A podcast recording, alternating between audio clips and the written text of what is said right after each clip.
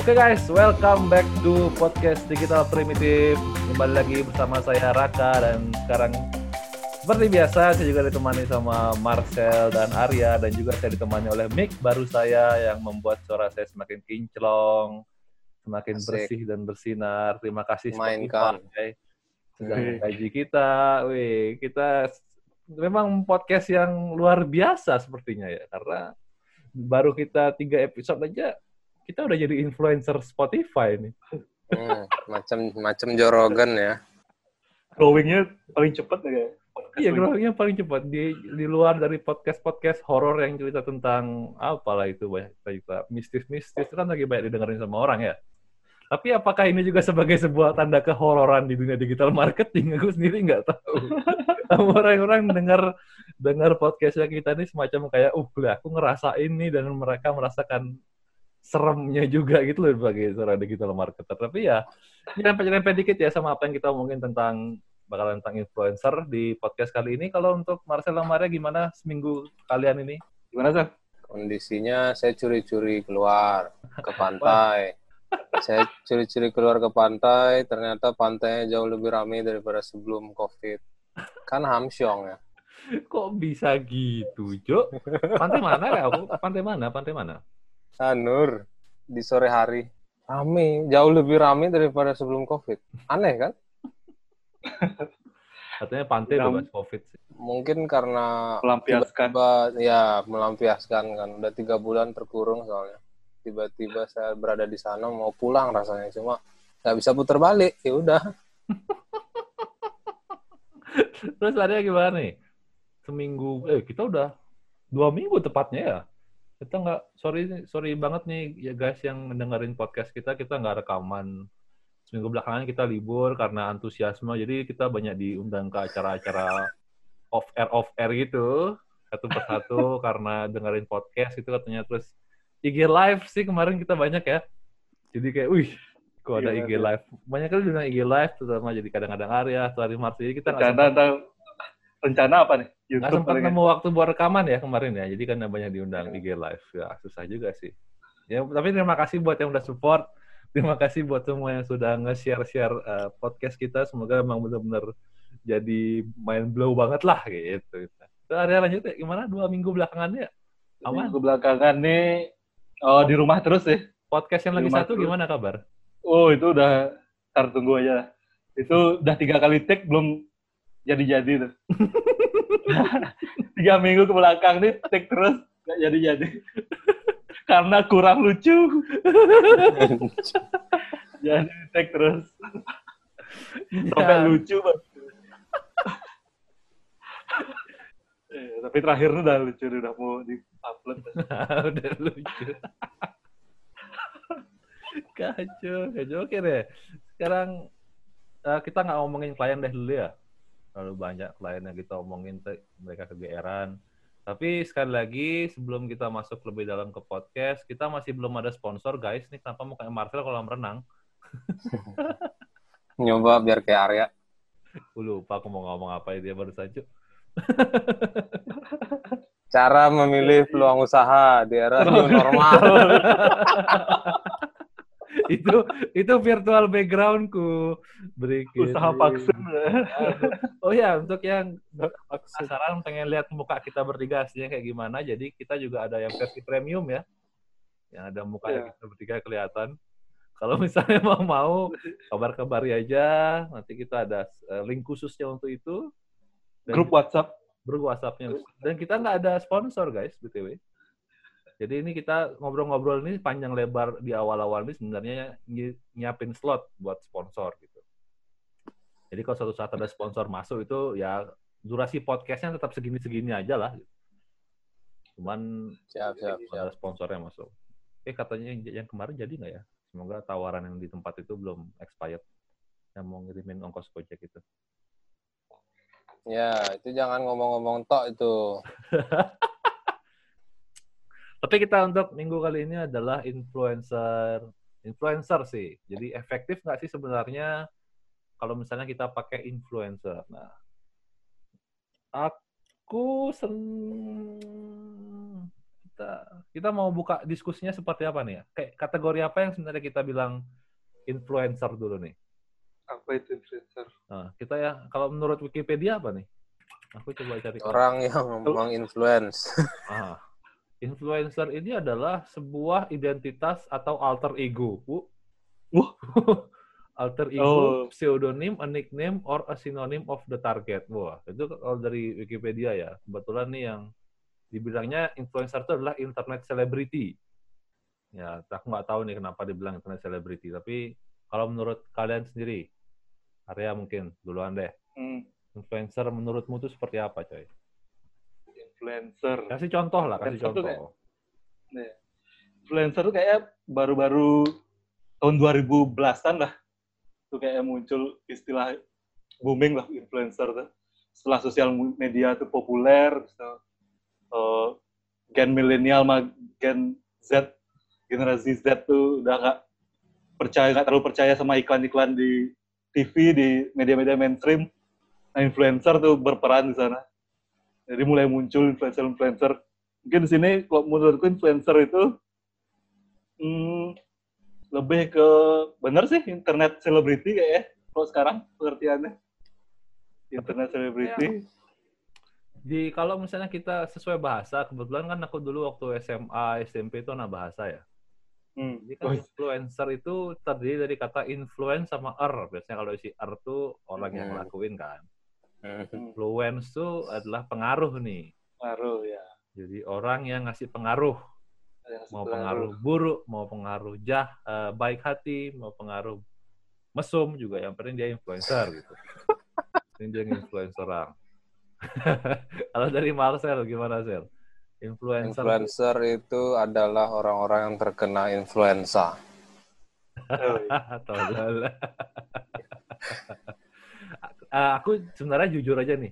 Kalau misalnya kayak jawab kayak gitu tadi itu aku sebenarnya ada fitur baru nih yang harusnya dikeluarin sama Zoom no. Apa tuh? Kayaknya kita harus ada sebuah tombol yang kalau misalnya kita klik itu kita nyemprotin, nyemprotin merica ke muka orang kita, loh, Sel. Siap, siap, gitu. siap.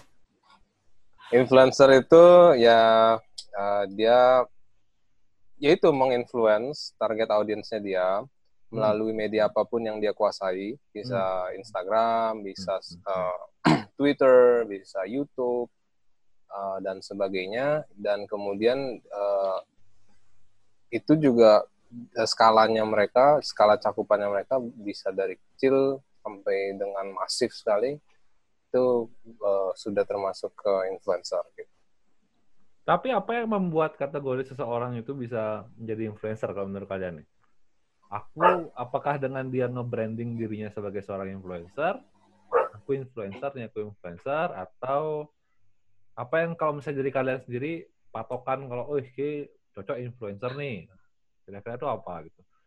Tapi mungkin kalau lebih ke konten yang dia kasih kalau aku ya, konten apa sih yang dia tunjukkan untuk menunjukkan dirinya tuh influencer gitu.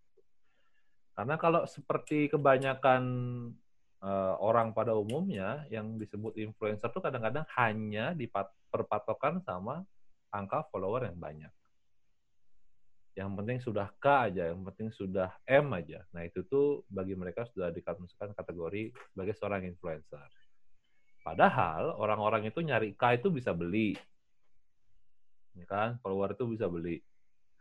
Jadi kalau dari aku sih seperti itu. Kalau dari sama Marcel gimana? Marcel deh, Marcel. Apa yang membuat Ki mem, me- membuat Ki untuk oh orang ini bisa aku bilang sebagai influencer itu kayak gimana? Nah, jadi selain konten yang uh, Om Rako udah bilang, uh, Jangan Balik bilang lagi. Ntar aku cut lo yang itu. Malu-malu.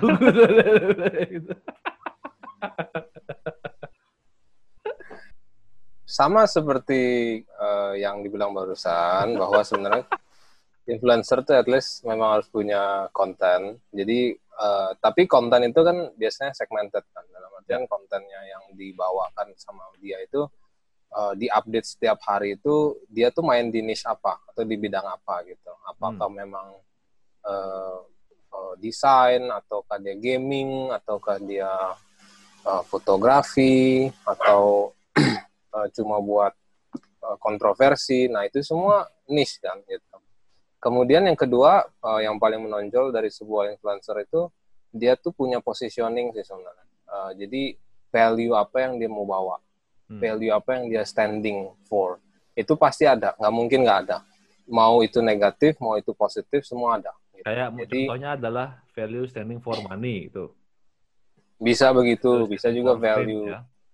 value yang uh, dia selama ini uh, maunya spreading uh, kebaikan gitu, hmm, hmm. atau uh, mau membantu orang, uh, mau membantu uh, di setiap situasi atau juga yang kalau negatif ya itu seperti kontroversi. Nah itu value-nya dia gitu. Dan masing-masing influencer itu pasti unik gitu itu kan berkorelasi berkorelasi jadinya.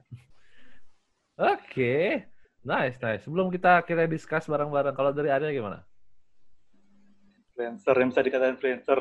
Kebetulan dulu saya hampir jadi influencer Wah, di tahun 2013. 2013 2014 saya punya Instagram sudah zaman itu Instagram grup saya itu 40 ribu ya. lumayan lah Mantap aja. influencer itu uh, bisa dikatakan influencer. Benar sih nggak terlalu nggak tergantung uh, sama followers karena ada beberapa tipe influencer kalau nggak salah. Itu ada kayak nano influencer tuh followersnya cuma seribu sampai berapa lima ribu. Hmm, hmm, hmm. itu ada lagi meningkat ada mega influencer ada apa influencer itu kan ada tingkatannya tuh. Nah jadi kan yang di followers yang punya followers sedikit pun itu termasuk influencer juga gitu. Dan uh, influencer tuh ya itu seharusnya bisa memberikan value untuk uh, pemirsanya untuk followers followersnya hmm. itu baru namanya influencer kalau misalnya punya followers tapi nggak pernah ngepost kan nggak nginfluence juga ngepost ya ngepostnya aneh-aneh tapi kalau misalnya yang dibilang sama Marcel barusan yang kayak kok segmented tuh cocok aja sih sebenarnya mereka ngepostnya kayak gitu-gitu kan. Oh, iya. Masukku ya. Contoh nih ada salah satu brand di Bali lah, aku nggak mau sebut nama brandnya, tapi dia tuh toko HP, which is toko HP itu sering banget dia nge-tiktok, buat TikTok dengan beberapa orang cewek-cewek yang bisa kita bilang lah seksi, tapi itu brandingnya dapat banget. Maksudku sekarang pas kita bilang nama tokonya misalnya, bla gitu tuh orang udah kayak langsung tahu, weh, kayak pasti suka ngelihat yang gitu-gitu ya. Itu kayak suka suka melihat hal yang ya kan namanya juga aja joget atau misalnya nyari HP-nya. Cuman itu tuh menjadi salah satu yang aku bisa bilang influence juga ya. Kayak tiba-tiba aja dia menjadi salah satu pilihanku saat aku mau membeli HP. Despite of memang kontennya dia seperti itu gitu. Jadi kalau aku sih sendiri melihatnya influencer itu lebih ke sharing value iya, sharing konten iya, tapi sebis, seberapa bisa dia itu untuk mempengaruhi dalam bentuk kata maupun foto gitu. Karena kalau misalnya yang foto vulgar aja deh, itu mempengaruhi kita untuk berpikir yang enggak enggak sebenarnya kan. Kalau misalnya emang, wih, ini mau si belahan dada dikit, foto pakai bikini cuma tiba-tiba cuma pakai gorden aja gitu Atau tapi kalau emang niat niat influencer emang kayak gitu masuk ya dia. Tapi banyak yang ngemis yang influence tapi kalau misalnya kalau misalnya menyimpang gitu nah itu nggak menginfluence dia. Iya tapi banyak yang ngemis sih. Maksudnya ngemisku dalam artian tiba aku sempat handle salah satu brand hotel soalnya kan. Ada yang kayak gitu-gitu dia malah kak saya influencer loh saya ada lima puluh ribu follower. Wah. Ini tahu nih, tahu tahu. Bisa nggak kakak ngasih saya kamar gratis atau apa kayak gitu loh modelnya follower ya kalau maaf, maaf saya bakal telanjang tuh kan kita harus melihat dari sisi kontennya juga kan maksudnya selain followernya aku sih selalu bilang kalau teman-teman yang lihat kak ini bagus nggak influencernya kak ini bagus nggak aku selalu bilang lihat dulu kontennya kayak gimana. Oke, mau nggak brandmu itu ditunjukin dalam konten yang sesuai sama yang dia buat. Kenapa? Karena kalau misalnya kontennya berbeda, ada kemungkinan besar audiensnya itu nggak ke influence. Jadi audiensnya ya kayak santuy-santuy aja. Kalau misalnya emang dia terbiasa untuk menampilkan foto-foto yang sure, misalnya foto-foto yang vulgar, atau biasa untuk menampilkan dalam bentuk quotes-quotes aja, mau nggak sekarang Ki kalau punya bisnis hotel ditampilinnya kayak gitu? Tiba-tiba lagi udah kan ya itu termasuk tergantung pilihan sih. Tapi aku ini tolong di uh, diskusin pendapat ya. Aku sendiri secara pribadi ngerasa kalau misalnya kita mau pakai influencer, itu agak sedikit susah korelasinya saat kita membawa ke sebuah bisnis. Dalam artian gini, berapa cost yang kita pakai untuk influencer itu sangat susah untuk kita selaraskan dengan berapa revenue yang kita dapat dari influencer itu. Nah, kalau dari kalian gimana? Pendapat tentang itu? Nah, ini nih. Kan biasanya kita suka uh, setuju, setuju, setuju. Sekarang saya mau debat. biar ada bumbunya podcast apa, -apa biar ada bumbunya. Mumpung mic bagus ngeditnya tuh gampang sih. Tapi gini sih kalau masalah tracking uh, ini gue tahu persis nih karena uh, ini ada pernah uh, di sharing case masalah influencer. Hmm. jadi kalau mas uh, saya kan nih lagi belajar growth hacking kan kebetulan. Dibawa-bawa ke sana ya. Tapi intinya adalah uh, influencer tuh pernah satu waktu menjadi salah satu uh, growth source yang cukup diperhitungkan.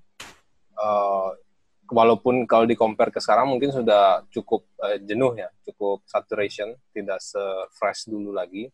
Tapi kalau misalnya yang dulu itu, uh, kalau brand luar, saya ambil case tadinya, Eh, gue ngemut pas gue lagi ngomong. gue gimana sih? Kita gimana? Bingung lagi ngedit nih. kalau dulu tuh ada, kalau case dulu tuh ada namanya uh, Daniel Wellington. Uh, itu kan brand di dari luar kan. Mm-hmm. Nah, brand jam. Nah, dia tuh uh, itu even belum sampai 10 tahun itu growth-nya sudah cukup sangat uh, besar. Nah, salah satunya itu dia memanfaatkan influencer uh, di Instagram yang waktu itu memang baru ada. Uh, itu satu kasus pertama. Kasus kedua kalau di Indonesia itu setahu saya ada sebuah keripik pisang uh, itu menggunakan influencer secara masif. Jadi dia setiap kali ada ngeluarin produk baru itu uh, dia target sekitar 50 sampai 100 influencer itu uh, baik itu kecil sampai besar itu ada uh, uh, dia dia minta tolong di di influence jadi di post di, di sosial ya. medianya mereka. Nah, cara mereka dia tracking itu uh, dia menggunakan sistem mirip-mirip referral system gitu. Jadi dia kasih kupon code dan memang uh, dia ada sistem pembelanjaan online itu dia masalahnya. Itu dia uh, kelebihannya gitu. Kalau memang uh, tidak menggunakan dia tidak punya platform online ya itu pasti susah untuk tracking kan paling kita cuma bisa tracking ngelihat uh, peningkatannya aja incremental revenue seperti itu. Tapi kalau masalah dia ya dia memperlakukan itu seperti referral system. Jadi dia pakai unique coupon code unique coupon code sehingga dia bisa tahu influencer mana sih yang work the best gitu loh. Hasilnya yang paling eh, ROI-nya paling banyak gitu. Apakah influencer A dengan kode kupon 123 atau gimana dan sebagainya. Uh, itu sih. Jadi uh, mungkin tergantung platform yang digunakan. Kalau online ya full bisa di track. Hmm. Aku baru aja kemarin habis nonton Fire Festival nih. Itu tuh canggih coy. Itu tuh bener-bener marketing at its finest lah gitu bilangnya ya. Karena udah kayak gitu masifnya, rapinya di zaman itu 2017 itu tuh akhirnya berhasil banget kan. Bahkan sampai sekarang tuh hitungannya berhasil banget. Sayangnya itu acara nggak berhasil itu ya sih yang gue sayangin kalau acara itu berhasil mungkin gila tuh marketingnya pasti jago banget. Tapi sekarang ada gini KOL. Nah, key itu bagian dari key hmm. opinion leader. Nah, itu bahasa itu kayaknya lebih. Hmm, tapi pengertiannya kayak lebih lebih punya market yang lebih niche gitu. Ya, kalau menurut Call itu Nike. Bagian dari influencer kalau, kalau menurut Bagian dari influencer Call itu. Jadi Artinya Call ada... tuh kayak kayak lebih dia lebih expert di bidangnya itu dia punya pengalaman di bidang itu uh-huh. dan dia uh, misalnya contohnya gini uh, Nike itu Nike udah mulai mencari uh, influencer-influencer tuh yang atlet kayak gitu. Bener-bener Hmm. atlet, Ya, ya. bener-bener atlet, bener-bener dia emang make produknya Nike itu, dia emang merasakan experience gimana make produknya Nike. Nah itu kayak eh, yang aku maksud sama dengan call. Hmm. Jadi orang udah emang merasakan eh, apa namanya? Dia nggak mau milih sembarangan produk. Dia mau pakai produk, dia mau influence produk yang emang dia suka, emang dia senang makainya. praktisi. Beda sama beneran. influencer. Hmm, Nggak praktisi, beda ya. Orang yang sudah Praktisi. sudah meng- mengalami, udah sempat experience sama itu artinya ya lebih ke ya, sana ya. Jadi Ya, ya. orang-orang tuh lebih lebih lebih percaya deh sama Hmm. KOL ini. Beda sama influencer yang semua diambil makanan semua, klepon diambil, pisang goreng, obat kuat, obat kuat, obat tinggi badan, semua susu diambil. peluntur lemak, Frozen food. juga. peninggi badan. Dan komennya sama semua. Ya. Jadi nggak terlalu manis, nggak sebenarnya bikin enak. Salah satu salah satu hal yang kalau misalnya kalian mau influencer marketing guys, tolong captionnya itu biarin si influencer yang buat titik. Nah. Jangan dijadiin satu ke mana-mana gitu loh. Karena apa? Karena katanya itu pasti bakalan ya nggak organik sih. Maksudku kayak jangan nyoba-nyoba untuk ngebodohin orang gitu loh. Orang-orang tuh kayak nggak nggak nggak tahu lah. Komennya sama semua. Ya men. Maksudku orang-orang tuh tahu kok kliennya dibuat-buat. Apalagi kalau misalnya dia tuh sampai detail banget bilang kayak ini ini BPOM 100% dengan nomor BPOM bla bla bla bla kleng. I don't fucking care about that you. Maksudnya ya beberapa influencer pun yang kayak oh ya aku pernah nyoba ini ini bagus tapi ya lanjut ya lanjut ya sorry sorry teman Ya itu. Menurutku KOL tuh yang orang-orang dia udah punya follow followers yang emang percaya banget sama dia kalau dia eh make produk yang eh, dia emang gini, emang ekspor di sana, emang punya pengalaman di sana.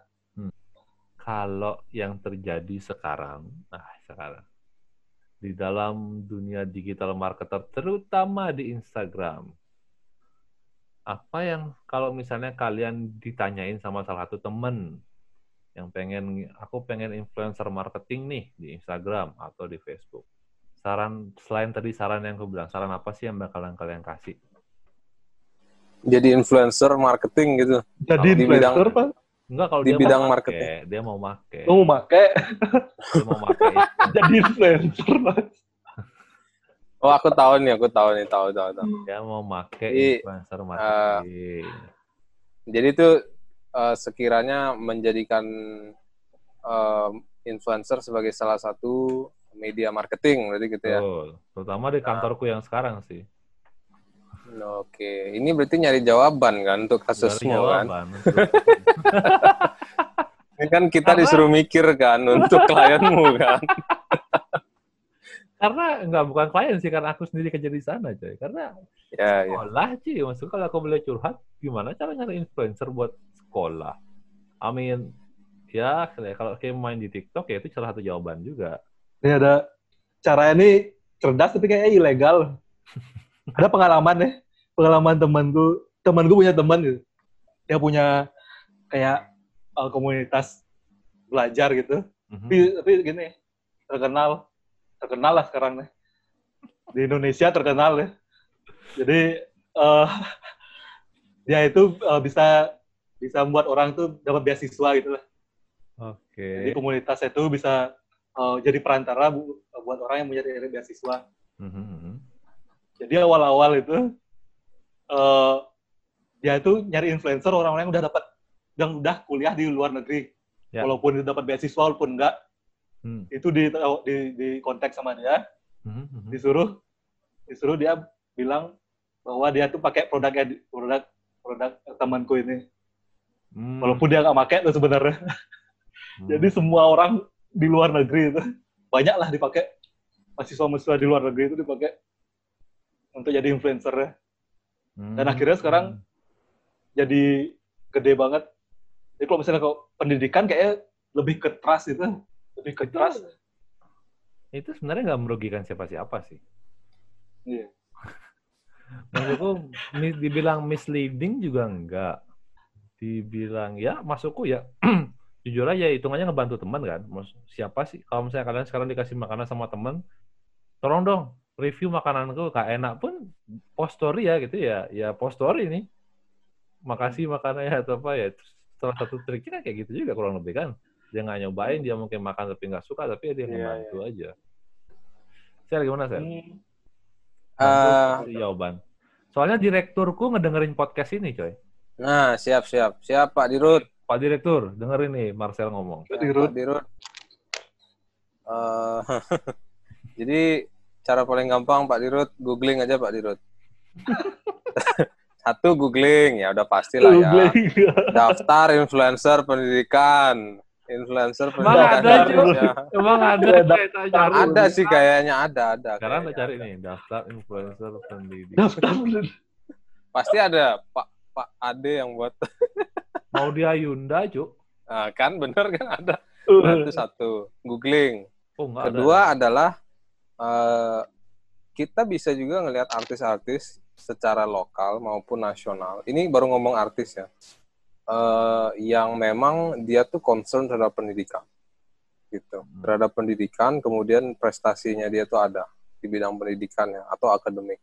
Itu sebenarnya sudah menginfluence hal positif eh, di bidang pendidikan. Itu Satu. Kedua ya, ketiga eh, youtuber itu juga sebenarnya ada juga yang concernnya ke pendidikan, yang kontennya ke pendidikan. Dan itu kalau Oh. mau masuk, kalau mau masuk eh, cocok gitu. Tapi gini, aku mau tambahin poin gini, karena menurutku ini penting. Kita harus tuh sebenarnya eh, itu kan masalah nyari, tapi masalah eh, masalah pola pikir dalam hal mengkurasi atau memilih setelah dapat listnya, pilih yang mana sih eh, yang cocok buat eh, budgetnya kita atau efektivitas campaign kita atau apa. Nah, itu kan kita harus melihat mentreat influencer itu se- sebagai eh, media placement.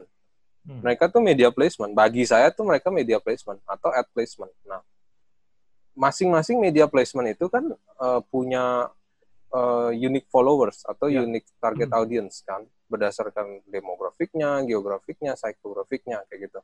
Itu anggap aja mereka tuh kayak eh, media placement misalnya majalah. Majalah kan ada banyak. Majalah majalah dewasa, majalah golf, majalah mobil, majalah eh, IT. Nah, itu sama persis begitu. Model sekarang itu mereka tuh sebagai media yang hidup. Nah, sehingga kalau caranya mau lebih tepat lagi gimana selain kasat mata gitu ngeliat ininya aja lihat minta sebelum eh, tekan kontrak dengan mereka minta biasanya followers datanya kan. Kalau Hmm. Instagram ada Instagram Insight ada kalau YouTube YouTube subscriber atau viewer data itu kan bisa dikeluarin. Dan biasanya eh, semua pengguna jasa influencer itu yang profesional biasanya mereka lihat itu. Jadi cocok nggak sih sama campaign gua target campaign gua nih? Kalau memang cocok ayo lanjut. Kalau enggak ya mungkin cari yang lain dulu kayak gitu. Jadi apa yang harus itu- dilihat biasanya di sana Sel? Secara itu aja secara eh, demografik geografik dan juga psikografik kan kalau Oke. mungkin psikografik eh, itu tapi yang paling banyak sih demografik sama geografik yang paling banyak mana yang eh, ngelihat dia atau yang nge-follow dia yang viewernya kayak gitu gitu Influencer marketing ini paling susah kayaknya. Karena ada hubungan manusia ya manusia. Jadi kita nggak bisa prediksi. Kalau aku sih percayanya engagement tuh nggak bisa diukur pakai matrix pakai angka aja. Itu yang saya percaya dari dulu ya. Jadi engagement itu adalah metrik dari hati ke hati is sampai sekarang belum belum ketemu alat ukur untuk engagement yang sebenarnya gitu. Tapi ini Hmm. yang aku pakai contoh adalah industri di pendidikan ya maksudnya industriku. Kenapa? Karena gini kalau salah satu ya aku sedikit curcol sih kalau salah satu KPI-nya untuk marketing itu adalah membuat engagement yang bagus dengan mahasiswa, itu kita nggak bisa ngukur seberapa banyak engagement yang terjadi. Pertama, gitu. Nggak mungkin kan kita bawa stopwatch atau stop klik ke mana-mana untuk akhirnya setiap, wah aku engage sama orang ini, dan akhirnya kita ngecek, kamu puas apa enggak?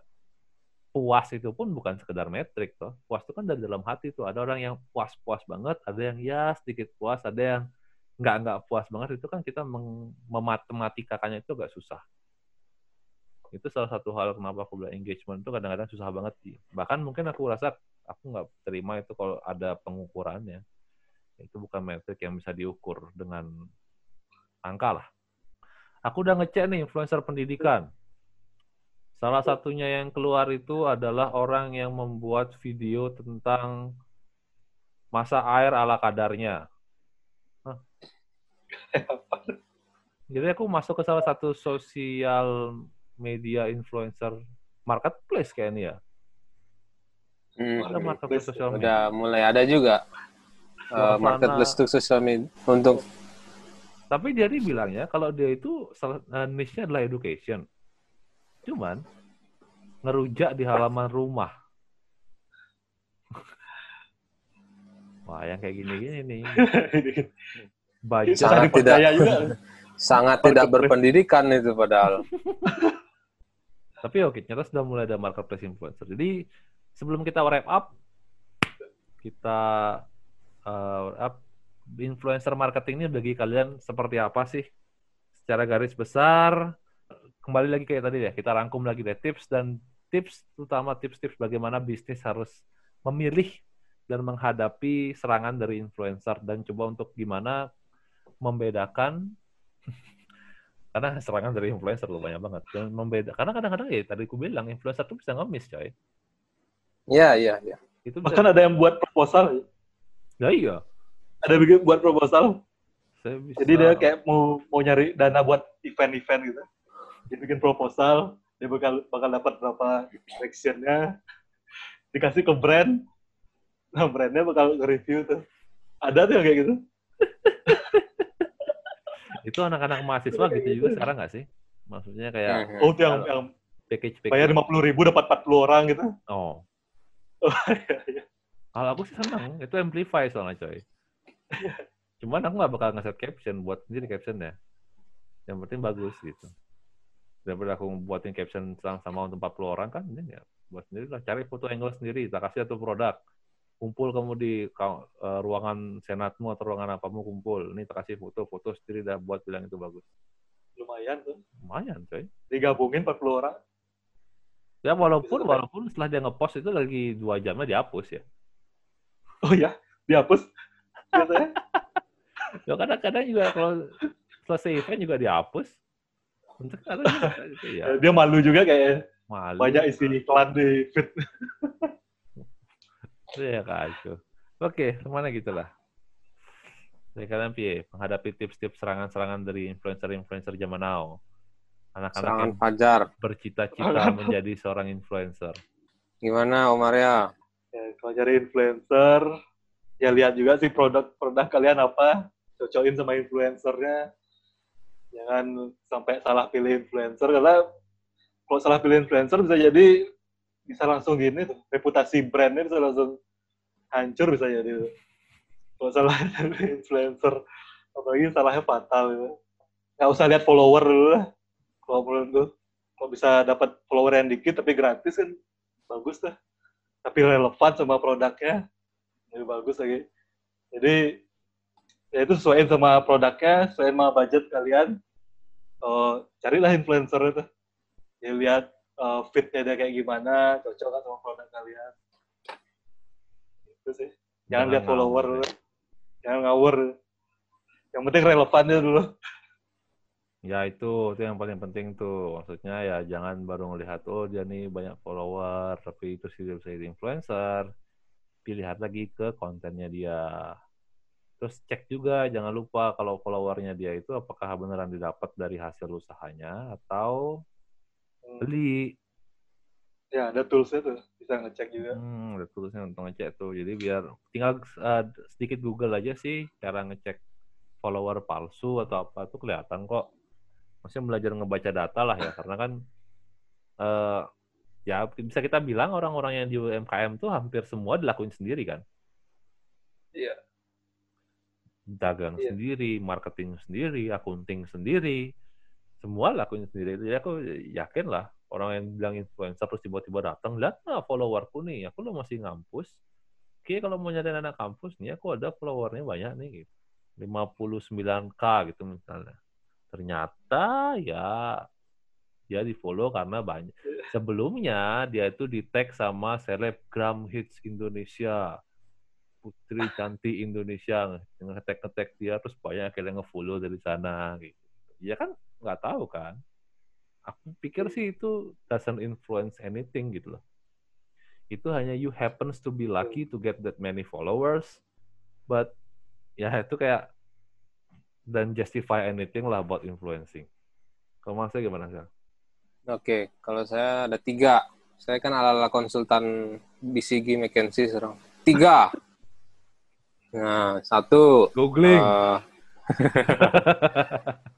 satu, uh, saya mau menggarisbawahi ini sih. Jadi selain yang uh, Om Arya dan Om Raka udah bilang, aku mau tambahin uh, satu yang kita lupa uh, mention bahwa kita juga harus cek interaksi interaksi antara target audiensnya dia atau followersnya dia hmm. dengan dianya sendiri akunnya itu. Jadi kayak di kolom komen itu sebenarnya positif apa nggak sih environmentnya gitu.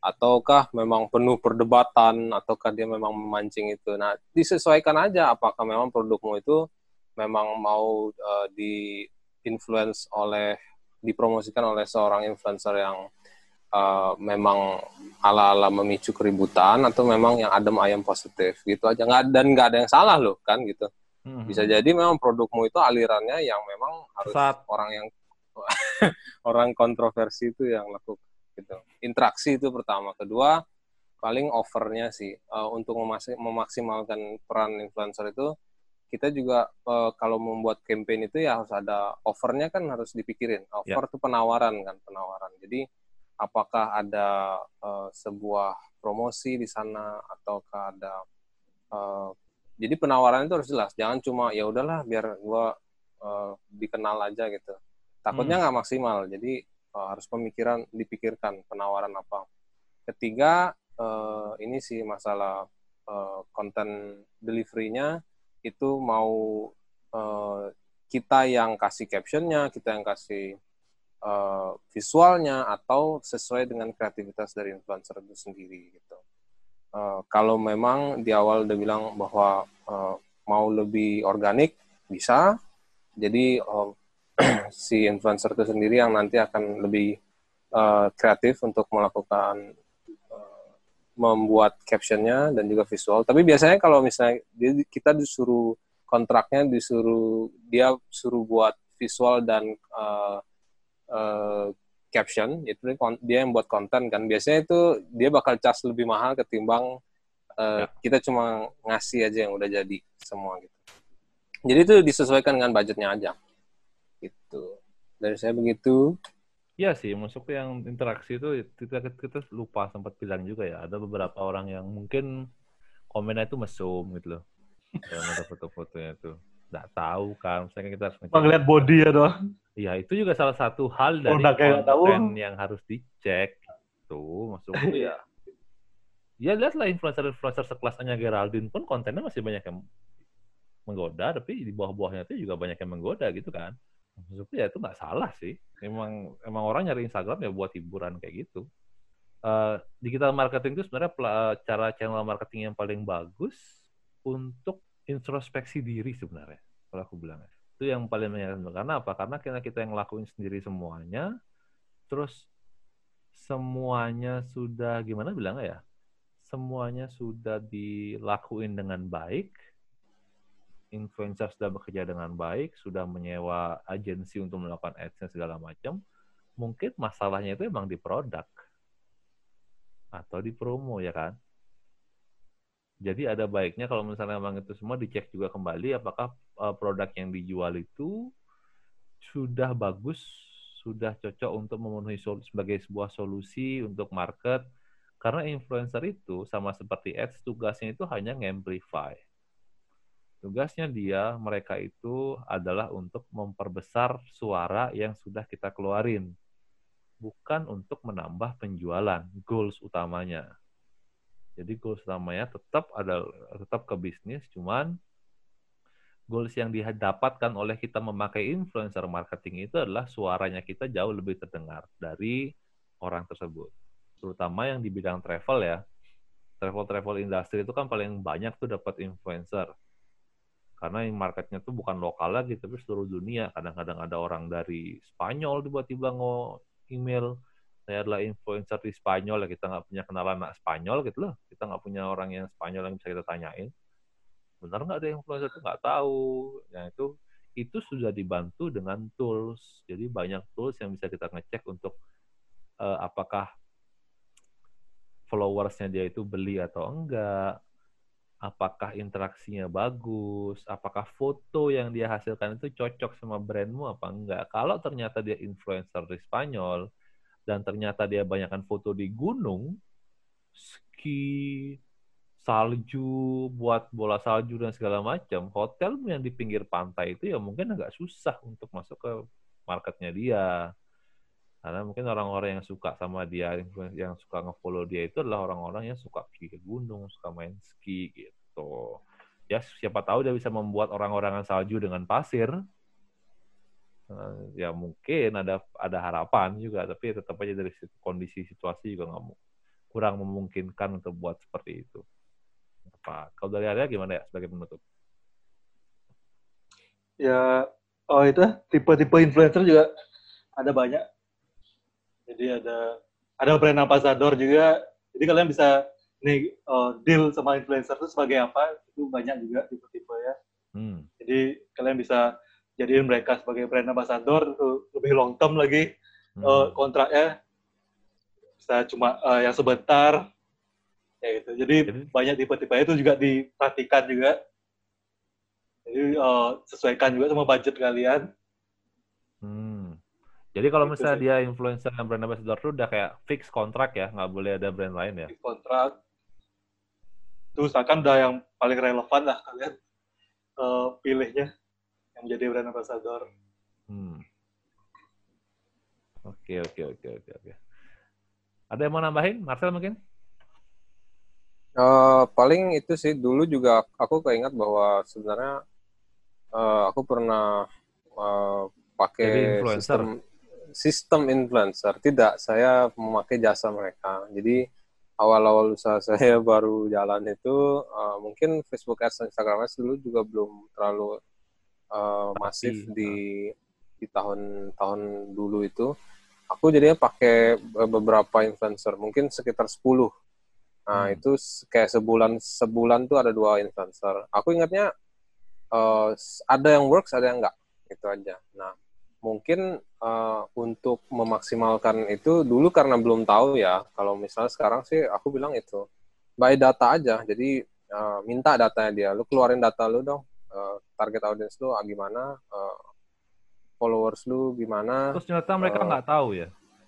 Hah? nah itu. Kita harus ajarin lagi jadinya. Kan gitu. Kalau karena kalau dulu, balik karena kalau dulu tuh Instagram Insight tuh juga belum ada kan gitu. Nah ya. kalau ngitung-ngitungin duit uh, masih positif waktu itu. Karena kebetulan ketemu percaya apa enggak jadi yang saya kira works ternyata nggak works gitu loh. Kayak hmm. individual gitu nggak works. Tapi yang semacam dia itu uh, sebuah sebuah komunitas itu uh, ya itu kan berarti bu bukan individual kan itu kan ya. komunitas. Dan itu komunitas keagamaan percaya apa enggak gitu loh. Dan mungkin itu jualanmu uh, apa Kitab. Sepatu, sepatu, sepatu. uh, uh, tapi itu kan uh, mungkin belum jenuh ya, belum saturasi dia punya channel. Dan saya juga lihat dia punya baru buka buka untuk uh, promosi itu sehingga uh, bagus, hasilnya sangat bagus. Jadi kelihatan waktu kita setelah post uh, terjadi incremental uh, peningkatan di revenue gitu. Aku dulu gitu. kalau cerita cerita tentang bisnisku yang dulu juga sempat pak, uh, pakai influencer sih. Cuman ternyata uh, karena bisnisku dulu kan restoran tuh, restoran yang benar-benar bisnisnya Jepang banget, temanya yeah. juga anime banget. Jadi waktu itu kita pakai influencer yang general bisa kita bilang salah satu media di Denpasar terutama itu bagi beberapa temanku itu ngerasa itu bagus banget itu works banget cuman ternyata berbanding terbalik sama apa yang kurasain gitu loh jadi kayak nggak gini sih aku aku sih jujur waktu itu ngerasa kayak oh mungkin kontenku yang kurang bagus mungkin orang-orang itu nggak ngelihat atau ya gimana bilangnya ya mungkin aja orang-orang yang audiens yang ku cari itu nggak kejangkau di sana gitu loh. Nah, itu yang kayak membuat aku berpikir bahwa dari sanalah gimana caranya aku bisa untuk ngejangkau orang-orang itu ya. Tapi karena dulu memang aku mainnya uh, sendiri banget sama teman-teman itu, kita nggak akhirnya nggak mau pakai influencer, which is kita mau yang lebih biar bisa kita kontrol lah. Dan untungnya waktu itu sudah ada Facebook Ads. Jadi akhirnya kita mencoba peruntungan di sana dan hasilnya memang waktu itu sih luar biasa dari sana doang. Luar biasa dalam artian ads-nya kita pun di-share gitu loh. Oke. Udah kayak, wih, itu udah gratis kan, maksudnya kayak dari organiknya dapat, dari paid-nya pun dapat gitu. Aku sama juga media tuh nggak nggak pernah berhasil lah. Media tuh nggak pernah work. Gimana ya sekarang? Birnya sekarang sampai- gimana birnya? Oh belum belum belum ada pakai influencer siapa-siapa. Ini dulu sempat jualan baju tuh, Oh, baju analog tuh eh influencernya cuma satu orang tuh tapi eh dia relevan banget Hmm. sama dunia peranalogan. Followersnya ratusan ribu lah lumayan. Mhm. Dan itu hasilnya luar biasa sekali. Iya, Bisa bagus. karena Karena emang udah relevan. relevan, ya. emang relevan. Dan orang-orang ya. emang percaya sama dia kalau dia pakai produk yang eh, gini, yang vintage-vintage kayak gitu. Hmm. Oke. Oke, media nggak pernah works. saya. Oke, 15 teman-teman. menit, 15, 15 post. Iya, dia banyak sekali satu bisa per menit per post itu bisa buat agak sedikit susah kita ngambil. Apalagi sekarang per jamnya itu ada harganya. Wadah. Tapi oke, thank you guys untuk uh, diskusinya tentang influencer marketing malam ini. Ada kurang lebihnya mungkin nanti kita akan adakan influencer marketing part 2 yang akan kita membahas lebih spesifik bagaimana cara menjadi kaya dengan menjadi influencer. Wah, eh. harus cari objek deh. Digital marketing tuh bikin kaya banget kayak orang-orang ya. Cuman kita aja yang jadi digital marketer yang tersiksa. Oke. Eh, ke- kita masih terima kok udah punya toke sih. Tuh, toke. Terima kasih atas sudah mendengarkan sampai akhir sesi. Terima kasih sudah mensupport kita terus dengan cara nge-share postingan-postingan kita di IG Digital Primitif setiap kali ada eh, postingan baru. Terima kasih juga karena sudah memberikan review dan pertanyaan yang sekarang kita belum bisa baca karena reviewnya masih bintang satu semua. Bagusin dikit ya Pak, reviewnya biar kita bisa baca gitu, bangga sedikit. Ya podcast digital marketing dari Bali gitu, senang lah. Ya, cok orang-orang. Tapi ya gitu lah. Oke, eh, dari aku gitu aja. Terima kasih. Jangan lupa di follow at digital primitif. Jangan lupa juga eh, share-share kalau misalnya ini ada value-nya buat kamu. Terima kasih buat Arya dan Marcel. Semoga seminggu lagi kita bisa bertemu. Stay safe. Karena angka corona semakin meningkat. Jadi, goodbye. Selamat malam. Bye. Thank you. Bye. Thank you, thank you, thank you.